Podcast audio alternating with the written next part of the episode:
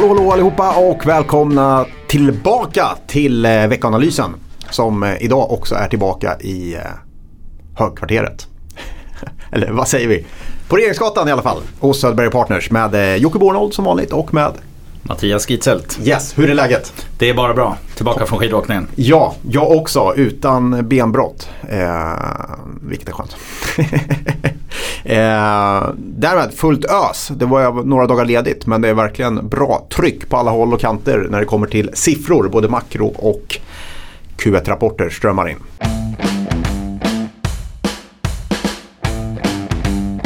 Jajamän, det har varit eh, ja, både förra veckan lite inledande rapporter, både USA och Sverige.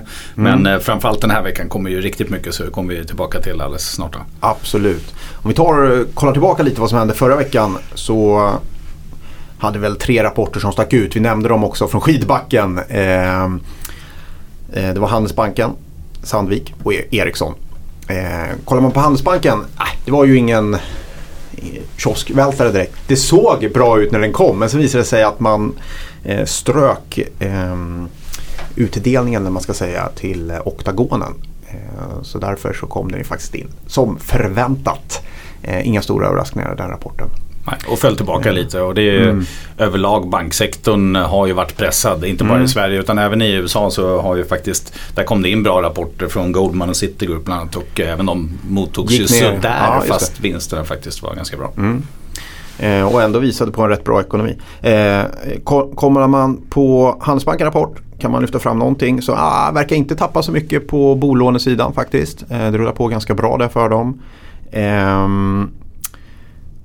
Alltid kostnadsfokus förstås. Eh, men det jag tänkte på var att eh, kikar man lite på hur det går för Sverige där så var fastighetsaktiviteten i fastighetssektorn ganska hög. De hade, och den tilltog sista eh, månaden, alltså månaden mars i kvartalet. Och det är lite intressant, kan man ju följa upp. Det verkar som det händer ganska mycket i den svenska fastighetssektorn. Så på företagssidan där eh, ganska bra aktivitet i mars och det är ju helt klart bra för ekonomin också. Eh, så det får vi hålla fokus på framöver här. Det är ett helt gäng banker som ska till. Eh, Ericsson, kan vi ta lite snabbt. Eh, gick upp. Tycker kanske inte den är sådär fantastisk eh, när man kollar på den. Men det var många som gillade den. Går bra i USA. Men där möter man ju inte den här konkurrensen som man gör på alla de andra marknaderna i form av Huawei. Eh, och, en hel del andra bolag också. Ehm, så att jag tycker att man är lite optimistisk. Jag tycker den känns lite dyr faktiskt. Eh, på de här nivåerna. Vi får se var Ericsson tar vägen. Men man plockar väldigt mycket russinen ur kakan just nu. Och det har varit Börjes strategi att göra det. Men då måste man komma ihåg det att någon gång tar russinen slut. Och då ska man äta av av resten av kakan också och då tror jag det kan bli lite surt. Så att vi, vi får se hur Ericsson utvecklas. Känns lite dyrt eh, på de här nivåerna men eh, rapporten mottogs väldigt bra i alla fall.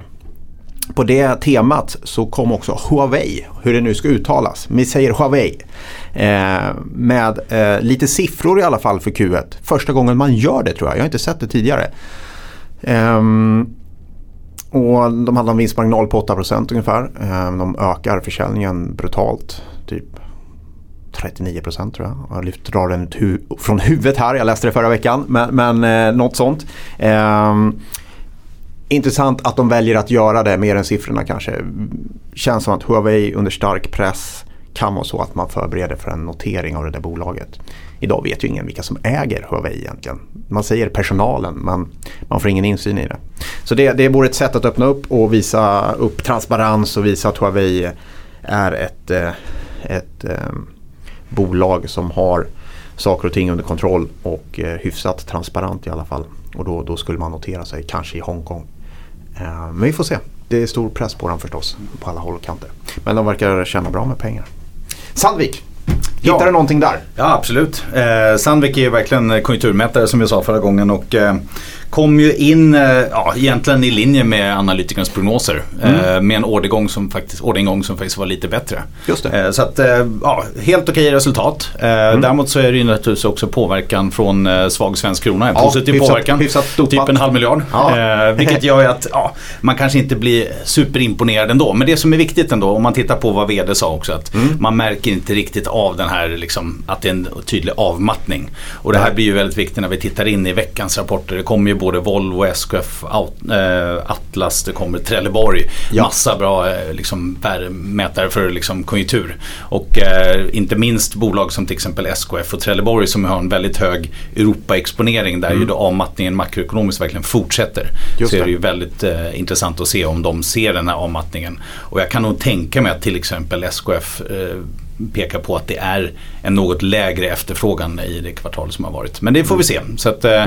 Klart intressant och det som man ska ha med sig med alla de här rapporterna är ju naturligtvis att sektorn gått väldigt, väldigt stark. Tittar ja. man på Volvo och så vidare så har det gått ännu bättre än sektorn upp. Jag tror den är upp 27% sen senaste kvartalsrapporten. Så förväntningarna är höga.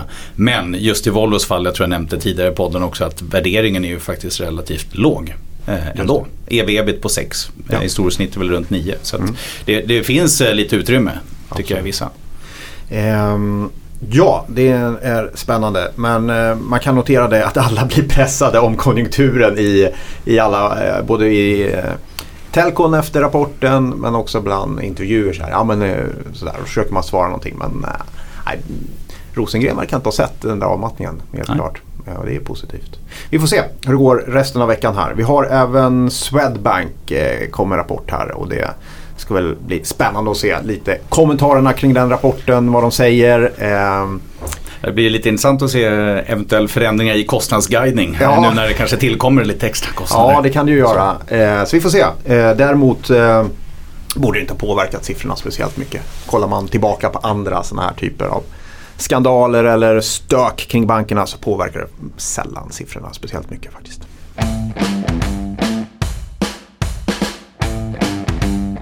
Ehm, men annars, du, ja, Kina. Sen, ja, vi har ju faktiskt operatörer veckan. också. Ja, det, det är ju så många bolag som ja, just det. Absolut. Eh, så att även där faktiskt så, så kommer ju både Tele2, eh, Telia och Millicom. Så, mm. faktiskt. så att, eh, lite intressant ändå. Mycket, mm. Och så har vi faktiskt idag fått in Getinge också. Just det. så att det är många, många rapporter. Och Getinge kom in helt okej. Okay. Ja. Det, och det är ju bra för att vara Getinge. Ja, faktiskt. Ja. Det, med tanke på att det borde vara höga förväntningar med tanke på hur kursen har gått i år. Mm, Men ja, absolut. Det är bra. Ja, vi får se. Det är fullt ös den här veckan. Eh, men förra veckan uh, ska vi prata lite om Kina. Eh, ja, vi, vi gjorde det förra veckan också men det kommer, fortsätter ju komma in bra siffror. Ja, men det är ju där det är viktigt att det kommer in bra siffror. Då hade vi ju både detaljhandel, vi hade industriproduktion förra veckan och inte minst då tillväxtstatistik för första kvartalet. Mm. Och den kom in lite högre än väntat, 6,4% på årsbasis. Och eh, även detaljhandel och industriproduktion kom in bättre. Och då ska man ha med sig lite grann att det är svårt första kvartalet med kinesiskt nyår och så vidare vidare. Ja. Lite stök i de här siffrorna som man inte riktigt kan, kan se igenom. Mm. Men tillväxtstatistiken är vad den är. Eh, det är lite bättre och det är det här man har förväntat sig naturligtvis i takt med att eh, sån här överraskningsindex har, har ändå pekat upp. Eh, I takt med att man har stimulerat, man har sänkt reservkraven för bankerna, man har ja, gjort en rad stimulanser. Man är ju rätt kreativ i det här. Eh, och det har gjort mm. också att man då eh, helt enkelt kommer med, eh, kan visa lite bättre siffror nu också. Men risken ja, man blir orolig, precis. Man blir orolig att man blåser upp någon risk. Eh, det här är ju bra på kort sikt. Mm. Naturligtvis. Att ja. återigen stimulera, allt kommer igång och så vidare. Men tittar vi faktiskt framåt så är det ju så att skuldsättningen ökar. Kredittillväxten är på ohållbara nivåer lite grann. Och till exempel OECD eh, redovisade i en rapport nyligen också att man är oroad för den kinesiska skuldsättningen. Så att eh, problemet är ju lite grann det här kan man skjuta ganska långt fram i tiden. Mm. Men i alla fall min bedömning är ju att någon gång så kanske man även i, i Kina behöver se någon slags finanskris som vi har haft i till exempel USA eller eurokrisen i, i, i Men man får väl ändå ge den kinesiska staten att den var ganska bra på att tygla den här eh, fördelen lite grann. Man kan styra det på ett annat sätt. Ja. Eh, lite grann. Och nu har man sett en avmattning här under en längre tid och så känner man att eh, det har varit en dålig börs under förra året. En tydlig avmattning. Så kommer man igång och stimulerar lite grann. Vilket då många har förväntat sig och då är det också naturligtvis bra att, eh, att göra det. Kineserna själva verkar ha känt att det varit tre ganska tuffa år för dem. Eh, de har inte haft en känsla av högkonjunktur. Eh, är min känsla i alla fall. De hoppas ju på att det ska kicka igång här nu. Liksom, att det har varit ett mm. mellanår här och att det skulle vi kunna se det? Kan det vara så att det, det här är någon slags tidig tendens till att De Kina kommer göra börjar... allt för att hålla sig till sin plan naturligtvis. Eh, Och det är ju fram till 2020. Eh, Och det gör ju att man, man kommer att stimulera så att man når sina mål någorlunda. Och vi ser det i väldigt mycket data som kommer in. Dels de jag nämnt men även andra ja, bostads och bilförsäljningsdata och så vidare ser ut att kunna bottna ur lite grann. Och det här är ju naturligtvis väldigt viktigt. Inte bara för Kina utan det här påverkar ju så mycket annat. Och inte minst i Europa där vi har haft den här tydliga avmattningen länge nu så räknar vi med att det kanske finns i alla fall en, en viss botten. Och det som man ska komma ihåg, makroekonomisk botten eller återhämtning, ja men det är ju det som börsen har prisat in här i inledningen på året. Ja. Världsindex är ju upp över 20% nu. Så att eh, vi, sker det inte så blir det ju snarare, då är det ju någonting negativt. Just det. Absolut. Och, och det ska man nog ha med sig att eh, en, en, en, en klarblå himmel kan bara bli molnig. eh, så, så är det. Om man ska det beror på om man har positivt eller negativt Ja. tolkningsföreträde. Exakt. Eh, vad, vad händer den här veckan då på makrosidan? Ja. Mycket på aktiesidan har vi sagt men Ja, makrosidan nej, men även makro så sker det lite grann. Eh, I USA så har vi ju då eh, BNP-tillväxt för första kvartalet och det här är första estimatet så det blir lite intressant. Förväntningarna Ja. ligger på 1,9%. Det var 2,2 i senaste kvartalet som reviderades ner till 2,2. Så att, eh, lite intressant att se vad den kommer in på, inte minst med tanke på att vi också faktiskt förra veckan fick in rätt starka detaljhandelssiffror. Så där eh, har ju snarare estimat kommit upp lite grann när man tittar på vad marknadsaktörer eh, säger. Så det, det kommer jag fokusera lite grann på vad den kommer komma in på. Eh, och det andra är naturligtvis i Sverige då kommer ju Riksbanken med räntebesked och själva räntan kommer ju inte att röras. Eh, men däremot så som vi pratade om förra veckan förmodligen så ligger det kvar i huvudspår att man eh, höjer räntan någon till, un, gång till under året. Skingsley-inflationen pratar vi om. Gigflationen, precis. Skingflationen, ja. Den är ju, precis, den hålls upp och, och eh, KPIF däremot så har ju varit lite svagt. Men det som jag tror blir fokus den här gången är ju dels inflationsprognoser om man liksom förändrar sin syn på hur inflation kommer att utvecklas. Eh, sen naturligtvis kommentarer kring återinvesteringstakten och obligationerna man har. Och eh, även annan kommunikation och prognoser och så vidare. Det är naturligtvis det som, som man kommer fokusera på men själva räntan kommer inte att förändras.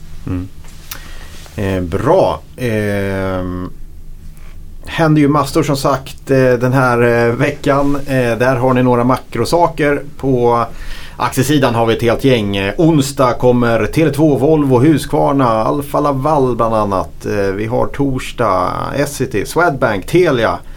SSAB kan vara intressant också. Assa, SKF, Atlas. Torsdagen en riktig rysare. Där finns det mycket gott att hämta. Ta ledigt på torsdag och, och, och kolla aktiekurser istället. låter som du läser Och upp, läsa eh, börslistan Ja, eh, det blir riktigt kul. Ehm, och sen eh, har vi faktiskt Skanska. Electrolux kommer också. AstraZeneca på fredag. Autoliv, Trelleborg. Nej, det är massor den här veckan. Det är bara att ta ledigt hela veckan. Det, det finns massor att läsa.